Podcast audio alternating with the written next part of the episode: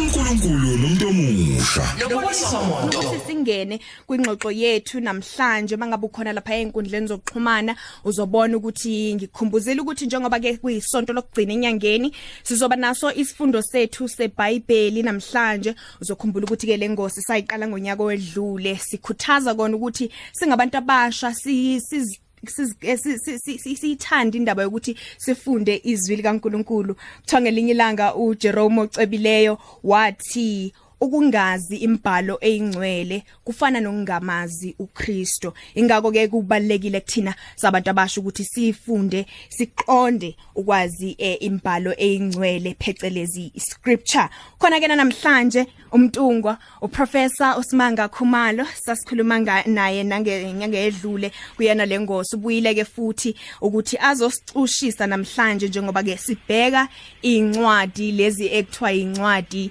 zabaprofeti. Mntungwa asibingelele siphinde sibonge ukuthi ube nathi namhlanje. Ngiyabingelela boniswa kuwena sisi kanjalo nakubalela emakhaya. Ngiyabonga kakhulu ukuthi ube nami okhovini Mm siyabonga kakhulu Mtungwa eh siyazi ukuthi ngempela uma ngaba kukhulunywa ngetheology abantu abafana nawe kumele sibe ukuthi siyababiza. Ngithe mangaba ngiyenza ngizama ukwenza ucwaningo ngizama ukuqonda nami lezi incwadi ukuthi ngiziqonde kangcono ngaphambi ukuthi ngizokuhloma ngembuzo la emoyeni. Hey laphithani khanda Mtungwa ngaze ngagcina sengithi eh ku right ngoba anginayo mini degree ye theology eh ubaba uzokwazi ukuthi kube uyena osibeke esithombeni ngoba yinini enizifundile lezi zinto mntungu ukuthi nizosikhanyisela kangcono thina eh njengabantu nabantu abasha nje eh, jikelele. Ngifuna singene kuyona ingxoxo yethu ngaphandle nje kokuchitha isikhathi.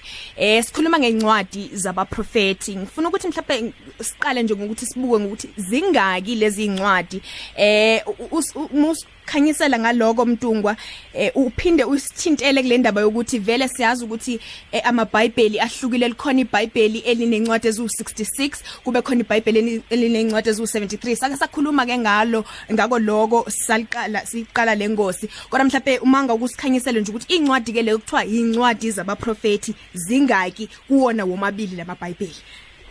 Okay sis cha siyabonga kakhulu. Eh angithi nje eh, ekuqaleni eh, ku kuleli Bible ejwayelekile eh sinencwadi eziwu16 eh zabaprofeti kodwa bese kuba khona ke elamakatholika lona ke eliye lithi xaxa ukuba nama lengeza abanye babo. Angikhulumeke kakhulu ngaleli elijwayelekile eh esilisebenzisayo cishe emabandleni amaningana nje kwakulawo awu16 eh incwadi eziwu16 eh kukhona eh leze eintathu ezibizwa ngokuthi abaprofeti abakhulu laba ikhondla khondla zabaprofeti laba abathathu uIsaiah. Eh noJeremiah noEzekiel. Labo akusho ukuthi bona bakhulu ngoba beza nomyalezo ohlukile lobalulekile ukudlula eminye but ukuthi nje ezabe incwadi nezigatshana eziningana ama chapters for instance uIsaiah unama chapter amashumi ayisithupha anesithupha 66 wama chapters uJeremiah kube ama chapters olobigaba eziwu 52 amashumi ayisihlanu anakubili uEzekiel yena abe no 48 amashumi amane anasishiyagalombili. Lokho ke kwenza ukuthi kuthiwe yikhondla khondla lezi zabaprofeti eh kodwa akusho ukuthi owabo umyalezo ubaluleke ukudlula imiyalezo yabanye bonke ke laba abanye eh abayi ishumi eh na na nakuthathu. Bona bese beba nezincwajana nje igatshana zibe zimfishanyana ezinye zibe o6 kuze kube khona ngisho Obadiah abane cishe bana one page eh lapho ngoba uningi babo bancanyana bona bafinyiwe nabanye ke laba abalandelayo. So sezizonke lezi sizijwayele sizisebenzisayo emabandleni amanye eh ziba u16 Mm.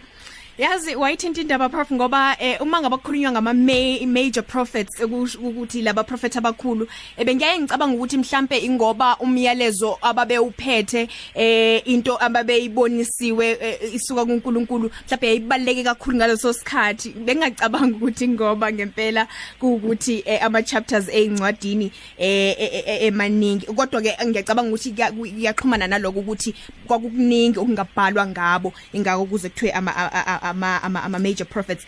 E, engifuna ukuthi sikubukeke manje prof ukuthi njengoba sithi um umprofeti Isaiah prophet Jeremiah um prophet Ezekiel Ingabe lezi incwadi zibhalwe ibona yini noma eh kusetshenziswe nje amagama ngoba kuthathwa ama prophecies ayevezelwe bona ngaloso sikhathi? Eqinisweni sisi eh iningi labo azibhalwanga ibona eh, zabhalwa abantu ababekade bebalandela nabese sibabiza ngokuthi ngama disciples mm. eh abantu ababekade bekholelwa eh kulokho abebekade bekufundisa eh kuyabalwa nje laphana nalaphayana lapho uthola ukuthi eh ibhalwe uyena umprofeti leyo ncwadi but ikakhulu nje lezi esikhuluma ngazo lezi eh zo zo Isaiah no Jeremiah mm. no Ezekiel eh i tradition noba indlela esifundiswa ngayo sitshelwa ukuthi cha kwabhala aba kwabhala abanye. Bese kuthi ngoba inkolelo nento babekade beyifundisa nabo ngokwabo yayihambisana kakhulu nalaba prophet bese kubizwa ke ngegama lomprofeti for instance kuIsaiah cishe incwadi zihlukene kathathu lapha ezithathu ezahlanganiswa. Njengoba siye sazi ukuthi kuthiwa kuno Isaiah wokuqala bese kuthiwa ke kuno Isaiah wesibili seba no Isaiah wesithathu esikubiza ngokuthi uIsaiah ufirst Isaiah noDuthiro Isaiah noPsitho Isaiah owesithathu. Kube ngezigaba nefundiso zakhona. Okubalekile futhi ukuthi lezi incwadi zabhalwa eminyakeni eminingi kakhulu. Cishe nje ezo Isaiah no Jeremiah ziza lapha ko 700 years before kuzofika uJesu. So incwadi ezindala kakhulu nangokubhala kwazo zibhalwa umphakathi eh uzama ukuqonda ukuthi uNkulunkulu bekade efundisana kubona.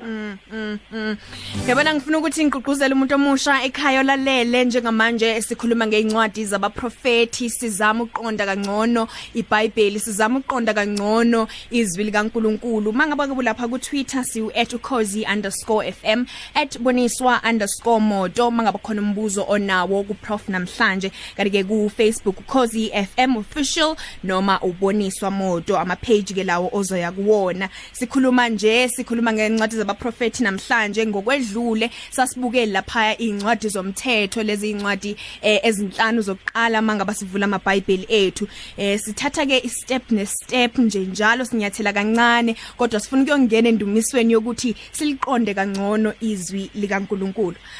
Ngibuyele kwena prof eh usakhuluma ngokuthi lezi incwadi zazibhalelwe kona lokho ukuthi kwaziswe abantu ukuthi uNkulunkulu ufunani. Ngifuna ukuthi siyibheke leyo ndaba ukuthi eh incwadi zomthetho sithema sikhuluma ngazo zazifundisa ukuthi umthetho eh, abantwana bakaIsrael kwakumele baphile ngawo ukuze bajabulise bathokozise uNkulunkulu ngaso sonke isikhathi wahamba kanjani abaprofeti bona bangena kanjani ke so ukhona vele umthetho eh bathini zithini incwadi zabaprofeti ziquketheni? Impela sizokubalekile ke lapho ukwazi ukuthi abantwana bakwaIsrael ngoba babekade bephila nabo e, ezweni lapho kunezinye izizwe ezinamasiko ahlukahlukile ahlukene. Kube khona nezinkolo ezehlukahlukene noNkulunkulu abehlukahlukene. Babe sebephambuka nawe again besuka emfundisweni kaNkuluNkulu abayinikezwe uNkulunkulu bahambe ngayo. So ke abaprofeti babehlala njalo bebakhumbuza ukuthi ke hayi lendlela eseniphila ngayo seniyahlukana noNkulunkulu manje niyaxabana noNkulunkulu akakuthandi lokuNkulunkulu uthanda kanje. Uba bengaya nje eh, umyalezo omkhulu ovela kubona ukuthi abantu babuyiselwe kuNkulunkulu. Ngingaya nje ngibasho ngokubalandela inani sabona ukuthi omnye wayithi for instance uIsaiah umyalezo wakhe omkhulu noba umgobo wakhe ubiza abantu ukuthi babuyele kuNkulunkulu baphinde balindele usuku lokuza kukaMesiya oyobahlanganisa noNkulunkulu. uJeremiah abakhulume nabo bafundisa ukuthi bayeke ukukho ukulalela abaprofeti bamanga ababe kade bekhona ngaleso sikhathi phela ngoba babekhona ngaleso sikhathi. uEzekiel ememezela ukuthi uma ngabe ngiqhuba ngale ndlela yokungamlandeli uNkulunkulu ngendlela eh liyeza usuku lokwahlulela. Sizokwahlulelwa uNkulunkulu ngalokho esikwenzayo balandelanise o Hosea lapho bakhulume ngoNkulunkulu osilandelayo noba sesiphambukile kuyena. Njengoba sazi ukuthi uHosea wenziwa wathi ashade unkosikazi owayakade engenasimile engathembekile kodwa angamlahli amlandele. Kubonisa ukuthi uNkulunkulu usilandela noba thina sesimlahlile akadinwa yithina. uJoel naye memezela ulaka oluzayo uma engalandelwa uNkulunkulu Amosi umemezela ukuthi ukuqindezelwa kwabantu abampofu. Akulungile uNkulunkulu uyobafanisa abantu abacebile ngoba beqindezela abampofu. uObadiya ememezela ke ukukhululwa ukuthi labo abaqindezela abantu abasiphekile uyobafanisa uyahlakanipha futhi uNkulunkulu uhamba lapho naye ngokwakhe. uJona athi umusa kaNkulunkulu usamele uma siphenduka sibuyela kuyena uyawuphinde futhi asixolela ngabe sasipanisha umikha asikhumbuze ngokuthi uma sihlala njalo nje siphenduka sibuyela kuNkulunkulu unomusa wokusixolela unahum asikhumbuza ukuthi uNkulunkulu uyasiduduza ubabakhukhu yena asikhumbuza ukuthi uNkulunkulu noba izinto zibheda ezweni kodwa uNkulunkulu is still in control. uZefania yena esikhumbuza ukuthi sifanele ukubuyela kuNkulunkulu uHagayi akhulume ngokuthi kufanele lakhiwe kanjalo ibandla noba itempeli likaNkulunkulu lingayekwa. uZakhariya yena amemezele ukuza kukaNkulunkulu egcineni uMarakiya asibuyisele ukuthi sifanele silungise ubudlelwane bethu noNkulunkulu. So yiloyo nalowo kuba prophet unomgomo wakhe isini yakhe ayilandelayo nafundisa ngayo. Mm mm, mm. Yazi bengingathanda we prof eh ngibone lo ma notes angaphambi kwakho njengamanje sibone isithombe sawo khona sizothola yazi ukunikeza kuze kube i mind map e, e, engathi manje mangisuka ngiphuma la e studio ngifike endlini ngifuna ukuthi ngifuna ukufunda incwadi yomprofeti Thizeni ngizobe sengazi mm. umgomo ngizobe sengazi theme mm. ekuzongenza ukuthi kube lula ukuthi ngiqonde ngizwe kahle ngoba eh inkinga prof ukuthi sithi masilifunda iBhayibheli libhalwe ngolimi eh lokho okungathi ancient poetry okunobunkondlo okunobu mm. okunokuthi kokubhalwe kudala kona. So ngithi mangizama ke manje ukuqonda ngokwazi kwami njengamanje noma ngempilo yesimanje kube nzima ukuthi ngize ngiqondisise kahle. Kodwa ngiyacabanga ukuthi mangaba sibona eh sizwe lemigomo ebekile osikhumbuzeyo ukuthi incwadi lencwadi inayo kwenza ukuthi kube ngcono kakhulu kakhulu lokho. Impela dadewethu liyafundeka lona iBhayibheli njengoba uqinisile ke eh, ilanguage noba ulimo lwasetshenziswa kakhulu ulimo oludala kodwa ke bayazama ababhali beBhayibheli manje kulamahumusha amasha mm. lawakhona mm. ukuthi bazame ukusinikeza isithombe sokuthi sikwazi ukulifunda mm. kodwa ke okusuke kusiphazamise yilo ile mfundiso esayinikezwa ukuthi uma ufunda iBhayibheli ungalifundi nje ngoba ufuna ukuliqonda. Mm. eh, kufanele ube sesimeni thizeni eh, ukuze wambuleleke ube kube ngathi ngaba semoyeni ungabi se ungacabangi kahle. Mm. lokho kwenza ukuthi ungabe usakwazi ukubhekisisa kwayo nale language ukuthi yakheke kanjani. Bazama ukuphini kulama proverbs asetshenzisiwe la kulawo ma metaphors okhuluma ngayo.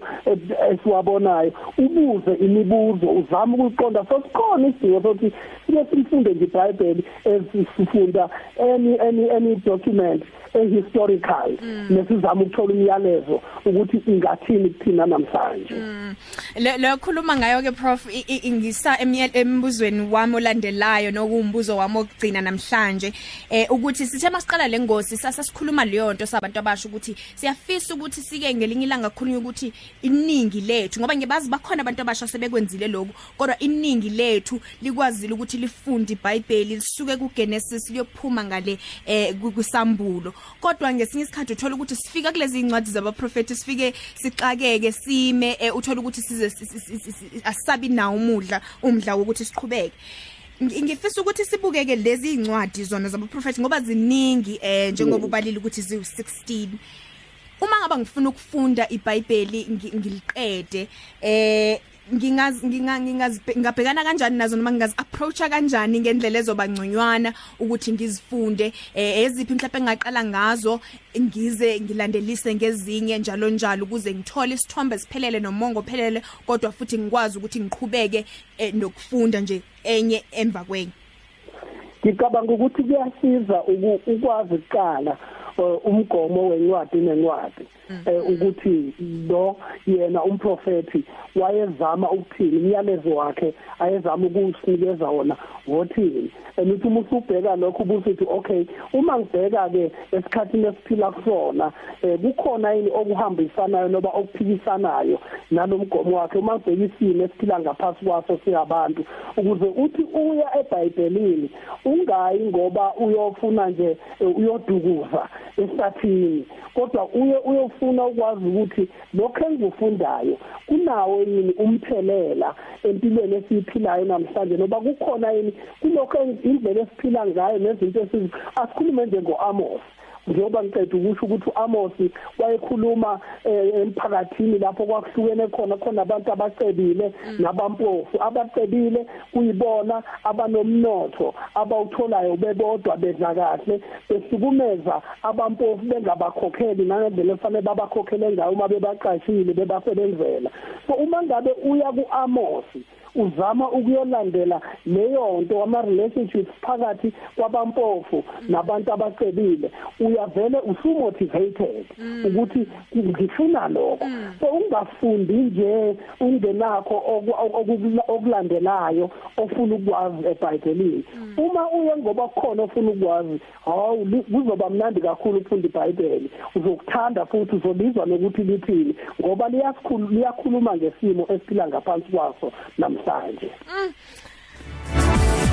Sikhuluma naye usolwazi uSmanga Khumalo umntungwa ukhona ke lapha ya kwi KZN Council of Churches njenge theology advisor. Ingako nathi ke simlanda eh, sithi akazosiza sabantu abasho hlelweni uNkulunkulu nomuntu omusha. Ngiyabona lapha ya ku Twitter eh, ngempela eh, prof bayajabula abantu abasho ukuthi usikhanyisela ngalendlela osikhanyisela ngayo. Unjabulo Nkosi lo uthi umuntu ufunde aze ufunda aze afe. Siyabonga nje kusolwazi uyicacisa kahle uthi sengathi ke eh, singathola isikhathi esithe ukuthi xaxa ngoba uyasembulela. Abesathi hashtag uNkulunkulu nomuntu omusha. Ngibona futhi la obani omunye eh ugamolu swazi uthi wayibeka yacaca usolwazi uyazi uyazi kuningi engikufundayo. Eh mina futhi nje ngiyafaka emgodleni wami ukuthi ngikwazi ukuliqonda kangcono izwi lenkosi. Bakhona ke nabanye bangenile lapha ku Twitter njengoba ke sithi @ukhozi_fm prof angibonge eh mhlawumbe elakho lokugcina eh, nje speakile ushayelela ispeakile sokugcina uma ngaba sikhuluma ngalezi incwadi eh kodwa ngiyabonga kakhulu ngiyacabanga ukuthi nomuntu omusha ekhaya khona okuningi acoshile namhlanje. Mina nje ngesami siqo ngizophuma la namhlanje. Kungconywana ukuthi ngiqonde eh ngisiqonde eh, ngiziqonde futhi incwadi zabaprofeti. Siyabonga kakhulu. Ngiyabonga kakhulu dadewethu. Ngiyafisa nje kusho ukuthi eh kubantu bakithi ikakhulu nakubantu abakholwayo asilikhuthalele ukulifunda iBhayibheli. Linawo yona umyalezo onokusiphilisa futhi usize ukuphendula imibuzo esinayo ngempilo esiyiphilayo nezinkinga esibhekene nazo namhlanje ezweni esiphila kulona. Ngiyabonga kakhulu ngibamba ngazo zombili. Ngiyabonga. Kubonga thina kubonga thina mntungwa eh na kanjani ngenyanga ezayo ngesonto lokugcina futhi siyothemba ukuthi siyophinde sikwazi ukuthi sikhulume nawe. Thank you. uNkulunkulu nomuntu omusha. Nokulisomoto